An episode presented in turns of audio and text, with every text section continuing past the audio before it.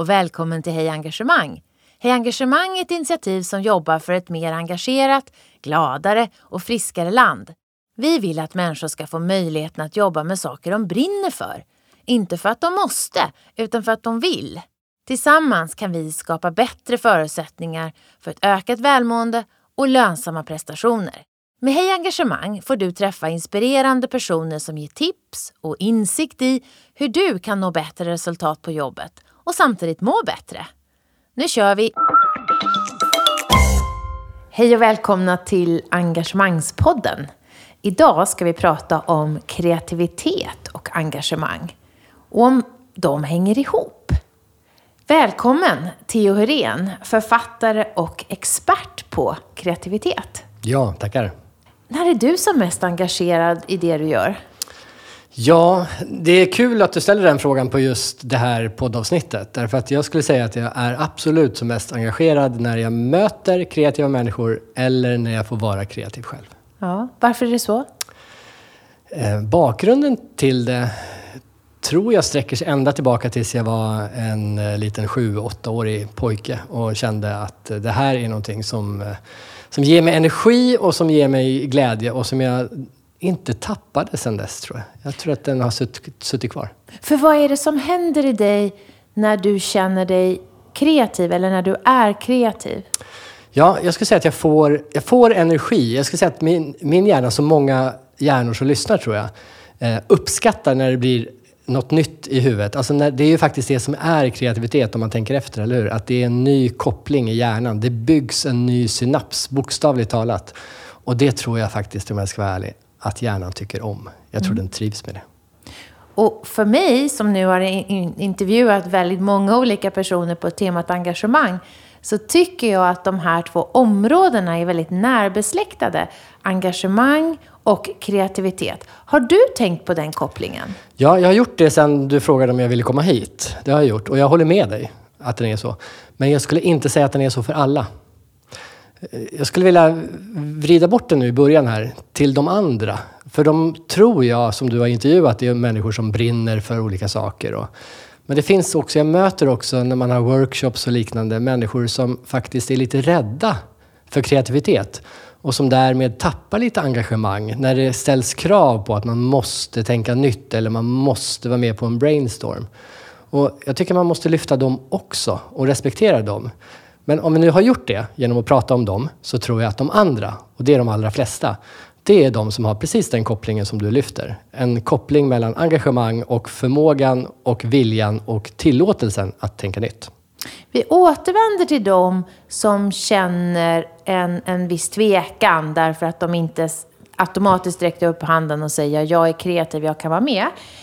Um, för jag har sett dig in action på, eh, på scen. okay. Du har ju nästan gjort 2000 föreläsningar genom årens lopp. Eh, och jag ser hur du kan inspirera och väcka engagemang. Först vill jag fråga, vad är det du vill tända där på scen? Ja, jag tycker inspiration är ett väldigt spännande ord. Dels för att så få har tänkt på vad det är för något och dels därför att det uppenbarligen finns så mycket kraft i inspiration. Eh, och därför brukar jag fråga folk som kommer fram efter en föreläsning och säger till exempel det där var inspirerande. Då brukar jag fråga dem, vad, vad betyder det för dig? Och då brukar det vanligaste svaret tangera att jag har fått energi att tänka nytt eller energi att göra någonting nytt.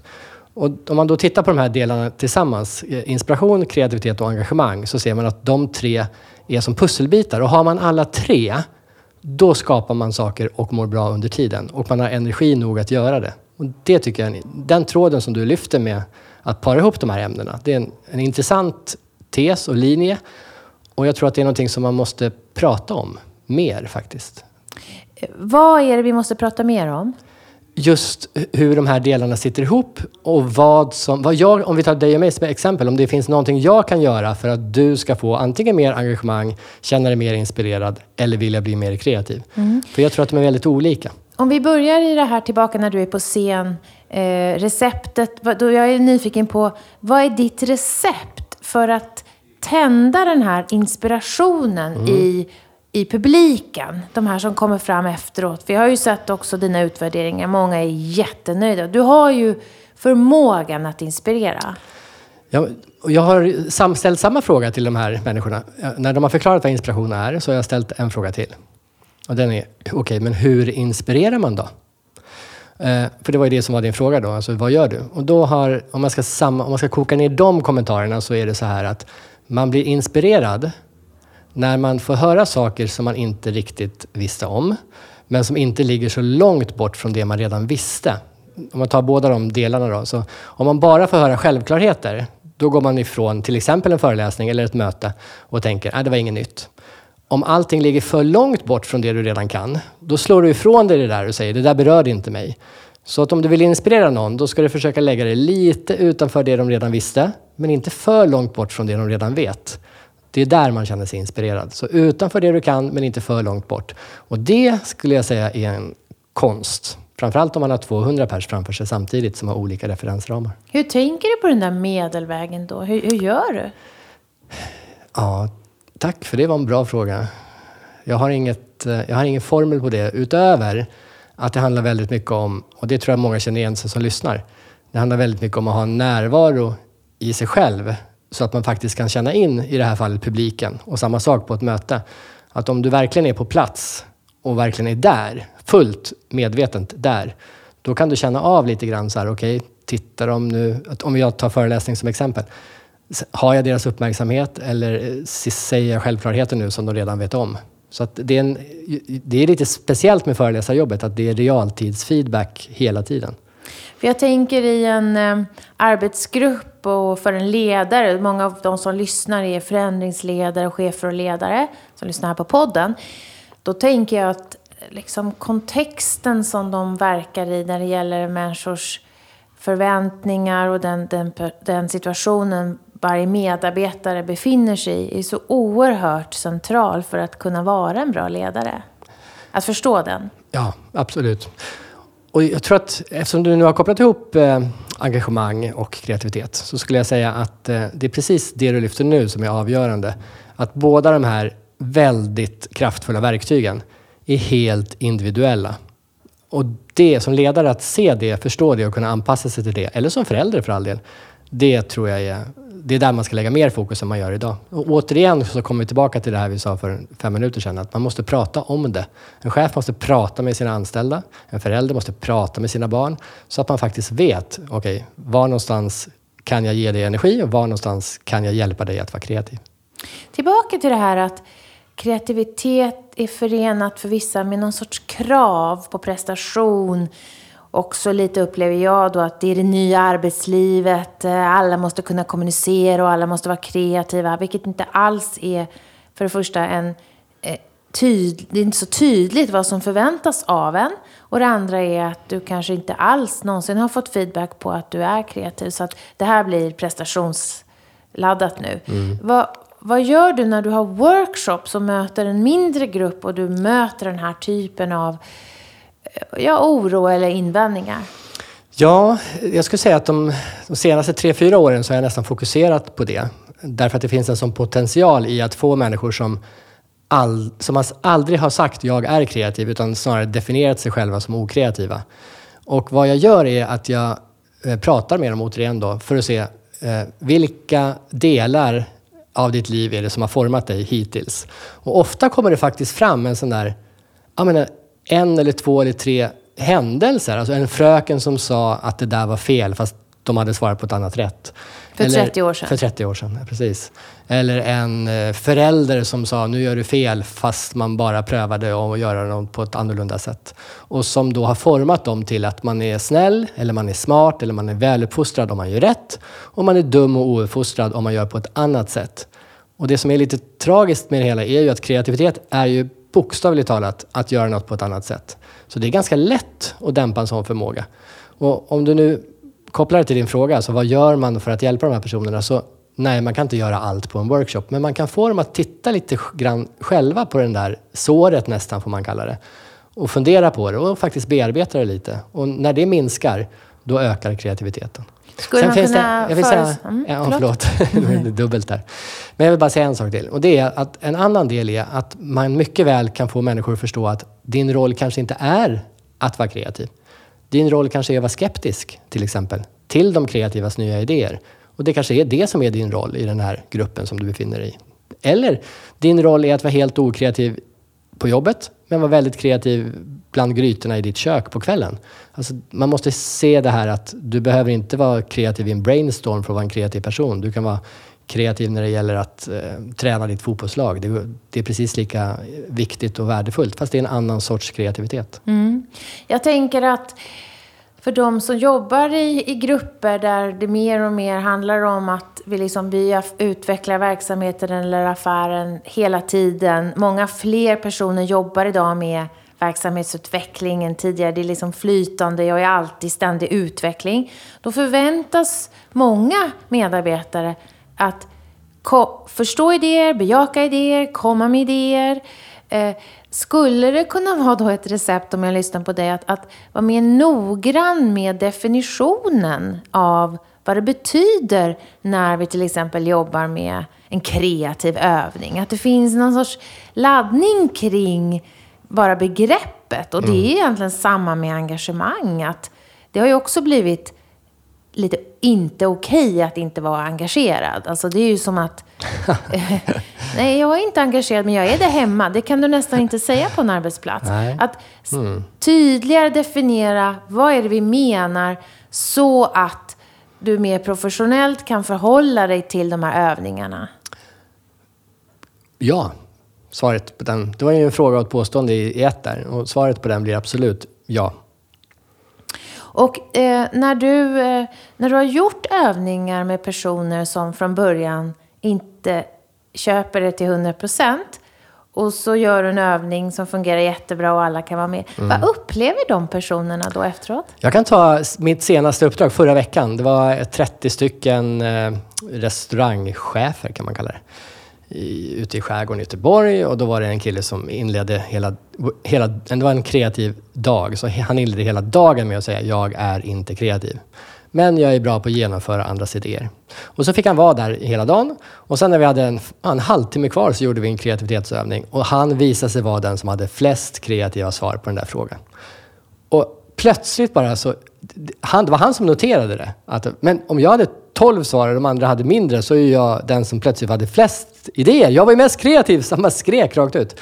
Och jag rös, bokstavligt talat, jag rös på både armar och ben. För man såg att han hade hittat en annan del av sin personlighet som han i hela, han var säkert 40 år, hela sitt liv hade definierat som att den här har jag inte. Och där och då fick han definiera sig som att jag är ju också kreativ ibland då. Och den uppenbarelsen, både för honom och för mig faktiskt, var... Alltså jag, blev helt, jag blev helt rörd. Och det är precis det som händer. När man ser hur människor tittar på ämnet och ser att om jag definierar det på det här sättet så har ju jag den här egenskapen. Och då kommer man tillbaka till det som var din grundfråga här. Att ja, det är jätteviktigt att veta vad man menar med kreativitet. Vad menar du med utveckling? Vad menar du med innovation? Vad menar du med nytänk? Vad menar du med värdefull idé? På vilket sätt?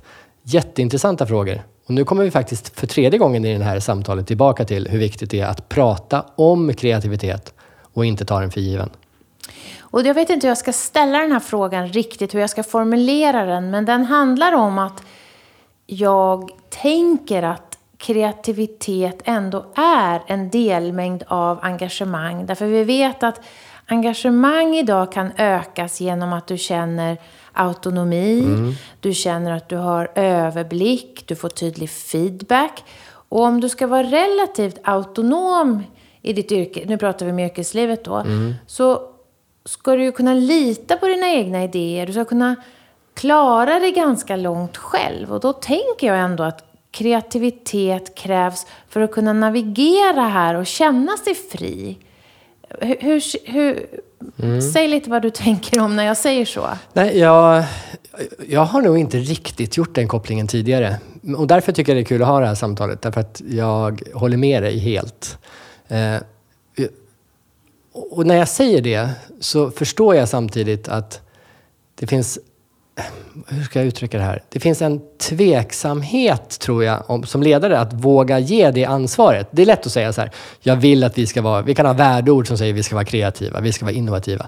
Men att faktiskt göra det du nu säger, att ge dem den här friheten eller autonomin att faktiskt också tänka ut exakt hur de ska ändra sin arbetsplats till exempel inte bara på en workshop eller en brainstorming, utan precis i vardagen så att man skapar sin arbetsdag med sin kreativitet. Man skapar liksom sitt arbetssätt. Som ju många gör idag. Ja, alla gör faktiskt. Du kan prata med en busschaufför och han definierar sitt jobb som, eller hon, som en, en kreativ arbetsplats i mötet med passagerarna till exempel. Så absolut. Men jag, min, min reflektion här blir att det är lätt att prata om det, det är lätt att ha det som värdeord. Det är inte lika självklart att man också vågar ge ansvaret till den som faktiskt har störst möjlighet att påverka jobbet, det vill säga den som utför det. För du träffar ju också väldigt många uppdragsgivare som vill att du ska komma och en dag om året prata om kreativitet till ja. exempel med sina medarbetare. Eh, hur står det till liksom, med synen på kreativitet i svenskt näringsliv idag? Och vad, vad, vad, vad vill någon som ska ha en kreativitetsdag med sina medarbetare? Ja, den stora skillnaden, nu har jag haft förmånen att göra det här i 20 år och den stora skillnaden är ju att för 20 år sedan ringde aldrig ett sjukhus och sa så här, vi ska ha en kreativitetsdag, kan du komma och prata om vad kreativitet är? Det var helt omöjligt. Eller ett, jag hade ett byggföretag förra månaden, liksom, det fanns ju inte. Det var ju definitionen på okreativa eh, yrken, att vara snickare eller jobba på sjukhus. Och idag är det helt självklart att eh, det finns innovationssystem på ett sjukhus till exempel.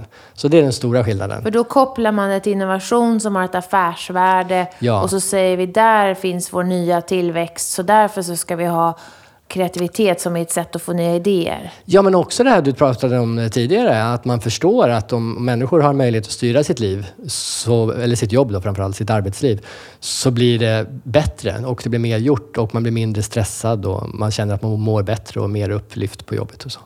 Och det är den stora skillnaden. Eh, det, det, är alltså att, att fler, alla yrken idag har det. Och för 20 år sedan så var det media och tv och reklam som hade det. Och hur ser briefen till dig ut? Hur ser uppdrag, vad är det de vill att du ska göra, dina uppdragsgivare?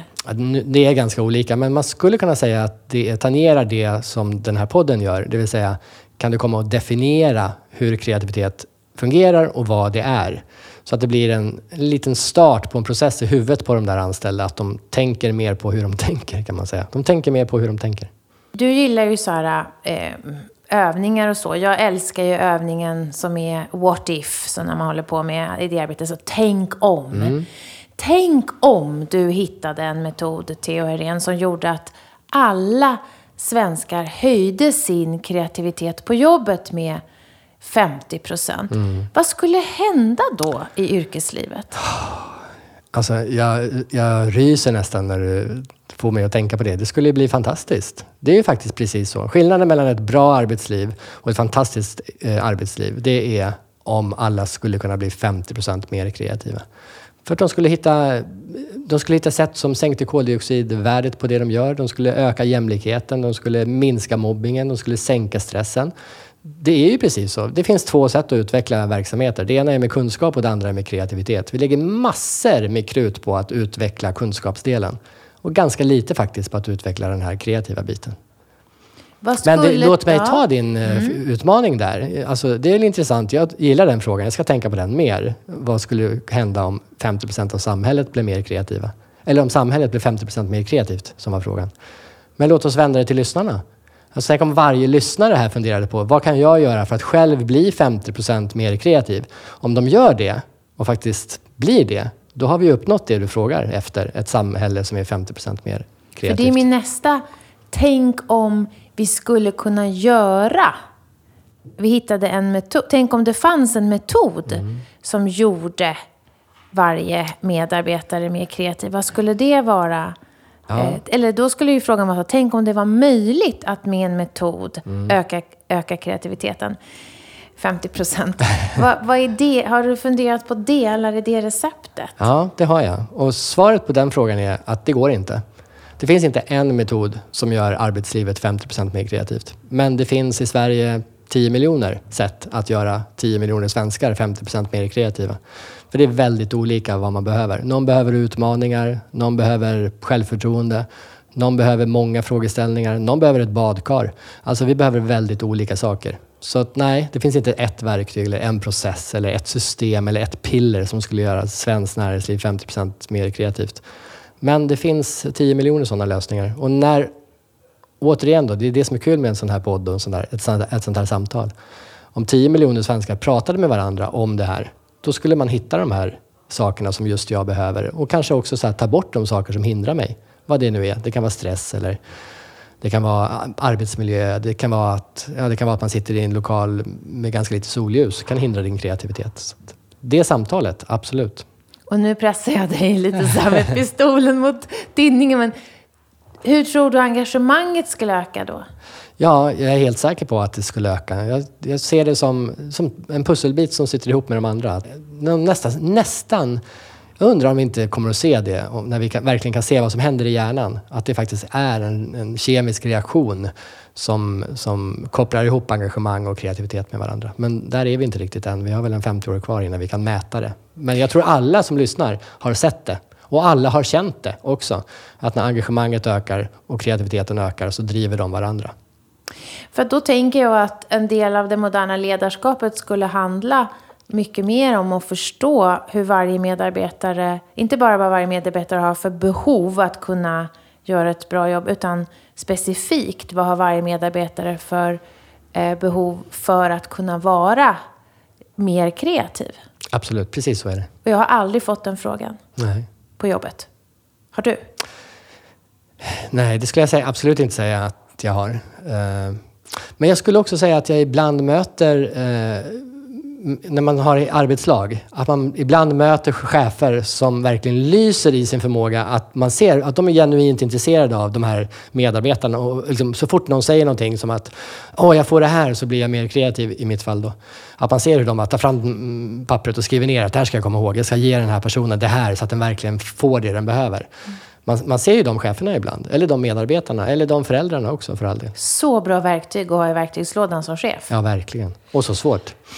Um, och om, om, om vi ses igen om, om 20 år mm. och, och eh, pratar om arbetslivet, vad tror du har förändrats mest då?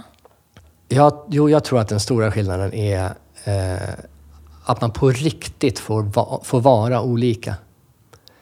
Att, och det kommer gå tillbaka. Jag tror, till, om vi kopplar ta, lite bort tar det lite bort från arbetslivet och lyfter, backar till skolan till exempel, så tror jag att, som ett exempel, så tror jag att man då kan säga att men Nils här, han sitter inte i eh, skolbänken och lär sig franska överhuvudtaget, utan han är bara ute och springer med en boll. För att det är, liksom, det är där han får engagemang och inspiration och kreativitet. Och sen så kanske han blir eh, fysioterapeut eller något när han är vuxen. Medan eh, någon annan som tycker det är urspännande med språk får sitta hela dagen och läsa, lära sig 18 språk. Och när de sen kommer ut i arbetslivet så förstår man att ja, men den här personen hon kan massor med språk och hon har därför en speciell förmåga som vi ska använda oss av fullt ut. Och, den är, och, och Nils, Då måste vi nästan tänka oss ett globalt arbetsliv med så specialiserad kompetens. Ja, men jag tror att 100 procent globalt. Ja, det tror jag är precis. De hänger ihop. Och, men jag tror också att det har ju kommit upp i den här podden flera gånger att när, ju mer man liksom närmar sig det som verkligen driver dig eller engagerar dig eller inspirerar dig eller, eller låter dig skapa, då, då blir det så genuint äkta bra. Och det tror jag är den stora skillnaden. Att många sitter fast i ramar och strukturer som inte riktigt passar dem och som anpassar sig till de ramarna och därmed lever lite mindre engagerat och lite mindre kreativt. Eh, låt oss hoppas att de murarna har spruckit om 20 år när vi möts Vad är det som för insikter som måste till eller för poletter som måste ramla ner och var för att vi ska börja förstå vilket o... Oh, vilket potentiellt värde det finns i var och en som vi inte tar tillvara idag. Ja, men låt oss samtidigt backa och säga hur bra det har blivit. Låt oss ta flextid, det tycker jag är ett väldigt bra exempel. Alltså för 20 år sedan var det omöjligt att tänka sig att kontorsanställda skulle börja klockan 8 eller klockan 11 beroende på vad de tyckte. Alltså, den här förskjutningen som vi nu efterlyser och säger att vi hoppas den finns om 20 år, sker varje dag i små steg, faktiskt på varje arbetsplats. Men jag tror också att många av de som lyssnar och, många, och vi också kanske tycker att det skulle kunna gå lite snabbare. Att det, många skulle må lite bättre om det fick gå lite fortare. Men låt oss inte glömma bort att det är en sån förskjutning hela tiden. Mm. Jag menar, för 40 år sedan så hade folk jobb som gick ut på att de skulle lyda vad chefen sa. Och idag har vi sjuksköterskor och, och eh, busschaufförer som sitter och tänker, hur kan jag göra mitt jobb bättre? Jag uppfattar ju, eftersom jag uppfattar mig själv som en kreativ människa, så kan jag ju leva med många sanningar och många lösningar. Jag kom på många idéer hela tiden. Eh, tror du också att vi därmed kommer få se mycket mer så differentierade lösningar för att om kreativiteten, om, vi ska, om var och en ska få verka fullt ut så kommer vi behöva anpassa eh, till mycket mer arbetssätt, mycket mer olika sorters ledarskap, mycket mer organisationsformer, mycket mer anställningsformer eller vad vi kommer Absolut. kalla det för. Absolut. Eh, tror du att vi kommer få se ändå en mångfald? Och det är ju väldigt enfaldigt, både näringsliv och offentlig sektor. Väldigt många verksamheter styrs, leds, fungerar ungefär likadant. Ja, det känns nästan som att frågan är lite ledande. Men det blir absolut ja på den frågan. Och jag, jag tror att det kommer att gå ganska smärtfritt. Jag tror inte att det kommer att bli någon revolution eller något, liksom, att det kommer verkas fram. Jag tror att vi kommer att märka att vi måste gå åt det hållet. Om, du tar ju väldigt stort ansvar för din egen personliga utveckling. Mm. För du är ju din egen chef också. Ja. Och du får ju bestämma över din egen Ja. utvecklingsbudget. Eh, kan du berätta om någonting som du har blivit engagerad av och som du tycker har varit värdefullt som du har gjort den senaste tiden? Ja, det, och det blir ganska lätt för mig att välja. Eh, det, det blir att utforska eh, meditation som ett sätt att påverka hur jag tänker. Alltså att det, i tidigare i mitt liv har jag, precis som många som lyssnar tror jag, sprungit fram och haft massor med idéer och sprutat åt olika håll. Och tyckt att det varit jättekul, älskat den delen av, av min hjärna. Men de senaste fyra åren skulle jag säga så har jag också, också utforskat vad med meditation gör i att tömma huvudet på idéer och istället hitta en annan sorts kreativitet som ligger djupare och på något sätt är lite mer innerlig eller autentisk och lite, ja men åtminstone djupare. Kanske inte bättre men annorlunda och som inte kommer förbi det där poppandet som hela tiden sker i huvudet. Det har jag utforskat och måste säga att det har fascinerat mig. Både hur skönt det är och också hur kreativt det blir. Kan du förklara lite mera hur ditt tänkande blir? Handlar det om att du reflekterar över saker annorlunda eller handlar det om att du får andra sorters idéer och kommer fram till andra lösningar? Eller vad är det som händer? Både och, fast med i mitt fall, nu har jag gjort det tillsammans med några eh, och det är lite olika vad som händer. Men i mitt fall mer utav eh, den andra delen, att det kommer en annan sorts idéer. Och de ska jag säga, jag har tre barn, så att jag på nära håll sett tre barn växa upp från spädbarn och upp till hur gamla de är idag. Och mer åt det barnsliga sättet att vara kreativ, där kreativiteten inte används för att lösa ett problem eller vara en prestation eller få uppmärksamhet, utan mer, men jag är kreativ för att jag kan. Alltså den sortens kreativitet. Och sen kan det efteråt visa sig att ja, men det var ju också värdefullt och det där leder också till en prestation. Jag vet inte om det här låter... Jag förstår. Ja. Men den, den sortens kreativitet, den har alla barn. Man ser den väldigt tydligt i 6-7-åringar. De är kreativa, inte för att bevisa något. De kan bara sitta i ett hörn liksom, och bara skapa för skapandets skull. Och den sortens kreativitet hade åtminstone jag tappat lite. För jag ville gärna lösa problem för att andra skulle se att jag var kreativ. Och nu kommer en annan sort upp som är Vad här, händer med dig när du känner det där? Ja, jag, jag måste säga att det är eufori. Alltså det är samma sorts eufori som man ofta ser i en eh, sexåring med papper och penna som bara plötsligt får för sig att göra en enhörning med fyra horn istället för ett. Eller något sånt där. Men den, för, det är en fantastisk upplevelse. Kan du berätta om några idéer eller projekt eller tankar som har fötts ur det här arbetssättet? Ja, det kan jag. Så ett av dem som är, är tydligast och som hänger ihop med det, det är just att jag ju tidigare har jobbat väldigt mycket med att föreläsa och ge, eh, ge övningar och verktyg och processer och så. Medan jag då plötsligt i i en sån här meditation inser att nej men jag måste ju hjälpa människor att meditera för sin kreativitets skull. Alltså jag måste ge dem möjlighet att stänga av och, och, och, och hitta det här. Då kan man säga att det är en sorts meta-idé som kom... Alltså när jag satt och mediterar så får jag idén att jag måste hjälpa fler människor att hitta den här sortens kreativitet. Och nästan, som att, eh, nästan som att det var en, en livsuppgift. Att jag, du måste göra det här, Theo. För det kan jag ju reflektera över när du berättar att vi, jag har jobbat i ett yrkesliv där det, det nästan är som att de trycker på mig som på en knapp. Att fram med idéerna, fram med idéerna, fram med idéerna. Det är ju inte många stunder som har gått till spillo så att säga. Till tystnad, reflektion, omtag, avlärning. Nej, exakt. Precis. Utan eh, det är leveransläge och att kunna skapa den kontexten. Inte bara säga då tar vi bort och så blir det ett tomrum utan att ändå kunna designa det utrymmet. Det är ju jättespännande att det finns verktyg för det. Det gör det. Jag kan ta en till så här, konkret exempel och som är den stora skillnaden. Det är att jag leker på ett helt annat sätt. Framförallt då med nioåringen. De äldre barnen leker inte så mycket längre. Men jag leker på ett helt annat sätt sen jag liksom hittade den här sortens kreativitet. Därför att vi på något sätt hamnar på samma nivå. Och det blir inte så viktigt vad hon gör eller vad jag gör. Utan det är mer så här, vad skapar vi tillsammans? Och det är en väldigt konkret skillnad. Och jag märker hur hon uppskattar det sättet att leka på. Mycket mer än, om jag ska vara ärlig, det prestationslekandet som, som, har, som jag har använt mycket av tidigare. Och, och vad ni måste mötas bra. Ja, verkligen. Och det handlar inte om att sänka sig till barnets nivå. Det handlar snarare om att höja sig upp till barnets kreativa nivå. Eh, om du blickar framåt, vad drömmer du om att utveckla? Vad drömmer mer om att utveckla för typ av förmågor eller färdigheter eller insikter? Ja, vilken spännande fråga. Och vad skönt att kunna svara att jag vet inte. Utan eh, det kommer att få växa fram. Men eh, just nu har jag inte en sån färdig, färdig dröm som ligger och väntar. Fast Theo ser väldigt glad ut när han svarar på den här frågan. Jag har aldrig sett någon se så glad ut när hen säger jag vet inte. Um, det måste jag, får jag, du får ju välja om du klipper bort det här eller inte. Men vet du var det kommer ifrån att jag, jag har lättare att säga jag vet inte? Uh-huh. Det var att jag såg eh, på ditt kalas, din konferenskalas, så satt ju, nu får du hjälpa mig, slime... Vår yngsta talare som var 11 år och är slime-entreprenör, Greta ja, Egnell. Greta, ja. ja. Hon blev ju intervjuad av dig. Och det var första gången jag såg någon på scen som så Hon sa “jag vet inte” på dina frågor säkert åtta gånger. Och jag kände “gud vad befriande med någon som faktiskt kan erkänna det”. Och jag tänkte att så där måste man ju faktiskt svara när man faktiskt inte vet. Så det kan ju vara kul för dig att veta att det Tack. kommer därifrån. Vad roligt. Jag ska hälsa henne det. Ja, precis. Eh, vad borde jag mer fråga om då som du verkligen eh, blir engagerad av?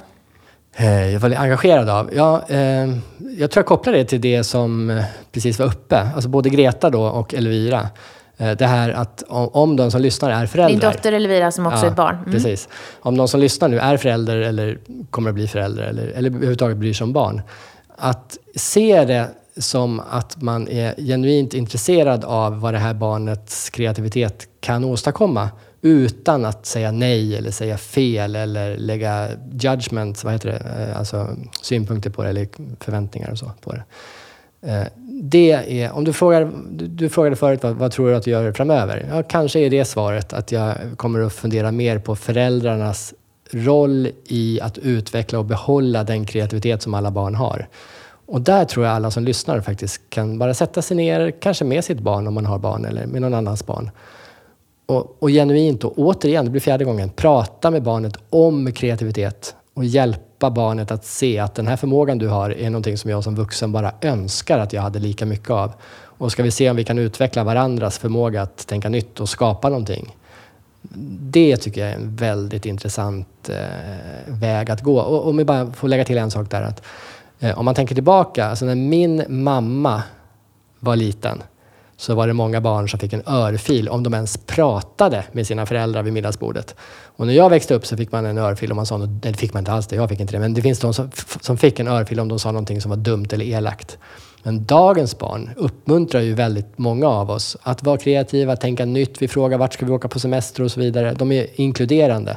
Tänk om nästa steg också blir att vi faktiskt på riktigt tar deras kreativitet på allvar och, och, och utforskar den tillsammans. Och att de inte bara blir tillfrågade utan Le också får ges mandat och utrymme att förverkliga vissa av de idéer Exakt. på egen hand.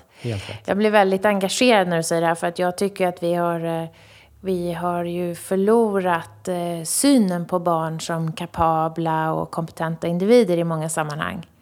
Eh, så att det här är ju ett sätt för barn och vuxna att mötas jämlikt också. Om det... vi tycker att det barnen har är värdefullt.